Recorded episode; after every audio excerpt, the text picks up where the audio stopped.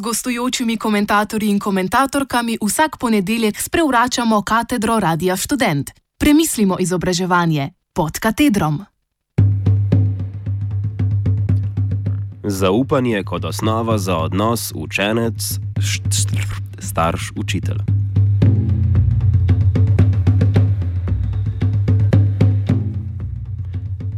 Človek je neraziskano bitje sredi neraziskanega vesolja. O neraziskanih vsebinah smo učitelji dolžni vedeti dovolj, da lahko suvereno stopimo pred 20-glavo skupino otrok in poučujemo. Dolžni smo se držati smernic, ki nam jih narekuje učni načrt, sestavljen z namenom, da bi se ob koncu obdobja rasti in učenja otrok prilagodil okolju, ki ga obkroža. V tem okolju naj bi deloval kot gradnik in podpiral ekonomsko-gospodarne smernice, ki že 200 let odkrito ali bolj subtilno sestavljajo vsebine učnega načrta. Človek, človeka je potrebno med prvim in 30 letom rasti in razvoja privaditi, programirati, ukrojiti in uskladiti uskladiti z razmišljanjem, čustvovanjem in delovanjem, ki ohranjajo obstoječo družbeno ureditev.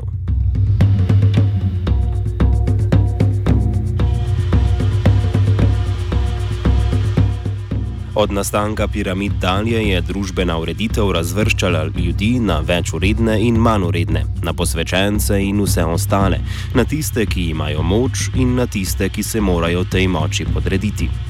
Danes poznamo to pod pojmom elita in ljudstvo, razmerje, ki se kaže v odnosu en odstotek proti 99 odstotkom. To je sistem, ki ga poznamo danes.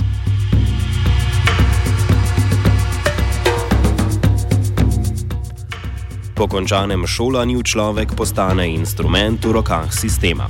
Sistema, ki skozi nadzor količine trpljenja, smrti, lakote, strahu in tako dalje uspešno kroji čustvovanje, razmišljanje in delovanje ljudi. Sistema, ki vsakodnevno ustvarja nove oblike odvisnosti za človeka, z njim pod pretvezo svobode in demokracije upravlja po svojih pogojih in ga cepi na kose s pomočjo mnogovrstnih metod stresa. Po končanem šolanju človek postane povsem upet v sistem, upetost pa traja vse do njegove smrti. Največje koristi od tega imajo tisti, ki ob skrbno orkestriranem poteku človeškega življenja pridobijo na moči in lahko to nakopičeno moč izkoristijo za oblikovanje ustroja v prihodnosti po svoji volji. In ob vsem tem je obdobje učenja, rasti in razvoja ključno, saj omogoča spretno in učinkovito tkanje povezav v človekovi notranjosti, ki bodo v njegovi prihodnosti omogočile, da se bo odpovedal svobodi čustvovanja, razmišljanja in delovanja ter postal instrument v rokah sistema.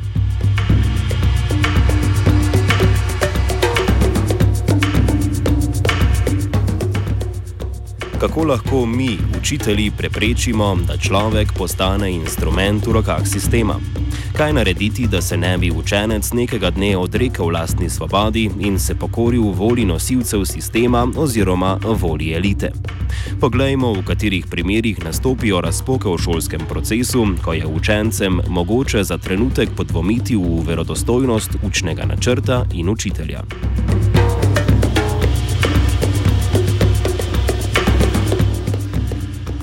Včasih nam učenci postavijo vprašanja, ki ne spadajo v učni načrt in na katerega ne poznamo odgovora. Naprimer, ali Bog obstaja? Zakaj so na svetu vojne? Kako je lahko v deklaraciji o neodvisnosti tretji ameriški predsednik Thomas Jefferson leta 1776 zapisal: Ob rojstvu so vsi ljudje enaki in vsem je stvarnik podaril nekatere neodtujljive pravice, med katerimi so pravica do življenja, svobode in sreče. Hkrati pa je na svojem posestvu Monticello še leta zatem posedoval sužnje. Kaj običajno storimo v primerih, ko nas učenci izzovejo z vprašanji, ki niso predmet učnega načrta?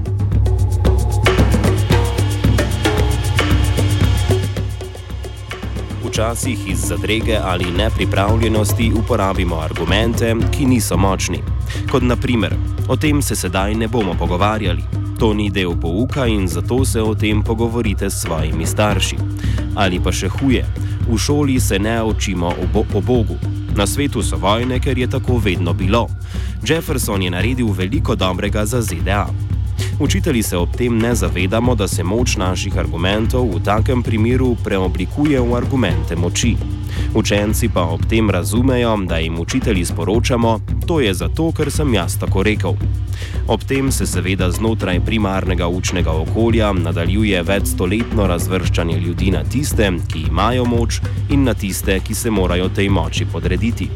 In če se človek tega odnosa nauči v šoli, bo v svojem življenju lahko počel dvoje. Kot večina ljudi se bo pokoril in sprejel prepričanje, da je svobodno življenje nemogoče. V drugem primeru pa lahko, kot to počne vedno več ljudi na svetu, svoje življenje posveti bitki za pravice, ki so zapisane v ustavah držav sveta in nam pripadajo samo zato, ker smo ljudje. Mislim predvsem na enake pravice ob rojstvu, ne glede na barvo kože, spol, vero, premoženje ali kakršno koli drugo okoliščino. Doslej nam je te pravice vedno narekovala elita.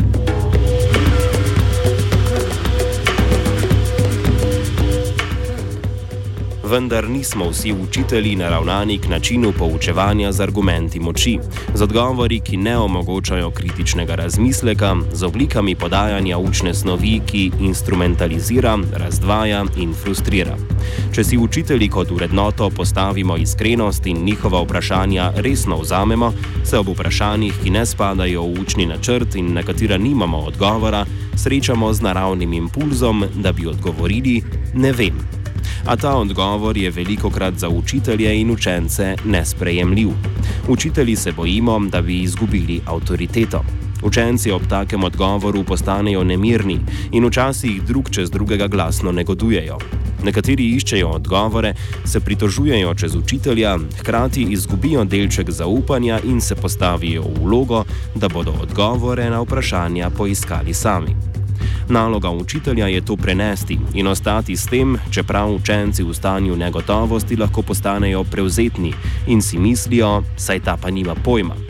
Kako lahko učence še naprej spodbujamo k razvijanju svoje lastne samostojnosti in unikatnosti, ne da bi ob tem nevede ustvarjali delavce brez kritičnega razmišljanja, podrejene okolju in sistemu, v katerem živijo?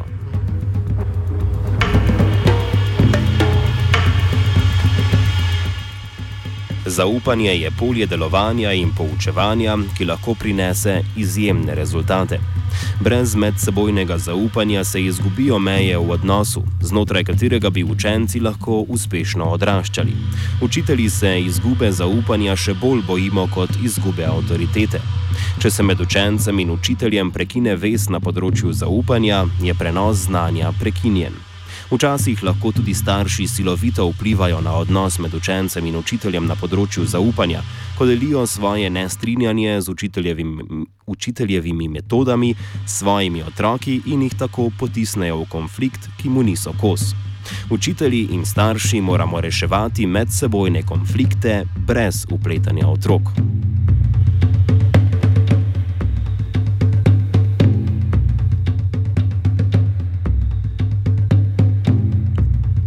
Mogoče bo odgovor na zgornja vprašanja vsak učitelj našel sam. Osebno sem mnenja, da je moja, moja resnična moč, s katero razpolagam kot učitelj, najbolj učinkovita takrat, ko pokažem svojo ranljivost, ko sprejmem svoje pomankljivosti in omejitve. Če sem zmožen te svoje lastnosti ubesediti, čustvovati in delovati tako, da so lahko strani učencev sprejete, bom ustvaril polje zaupanja. V takem polju je sprejemanje človekove narave absolutno in dovoljuje učitelju in učencem srečanje s samim seboj.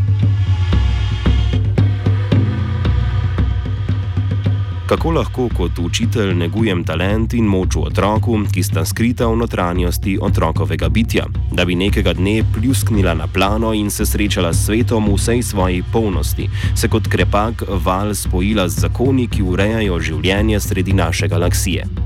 Učitelj sem in človek in objemam človekovo naravo.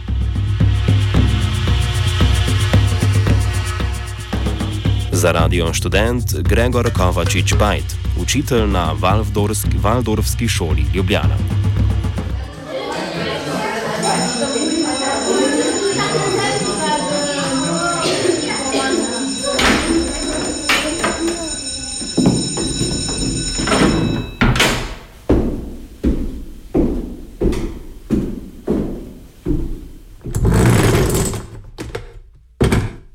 Gostujočimi komentatorji in komentatorkami vsak ponedeljek sprevračamo katedro Radia Student. Premislimo izobraževanje pod katedrom.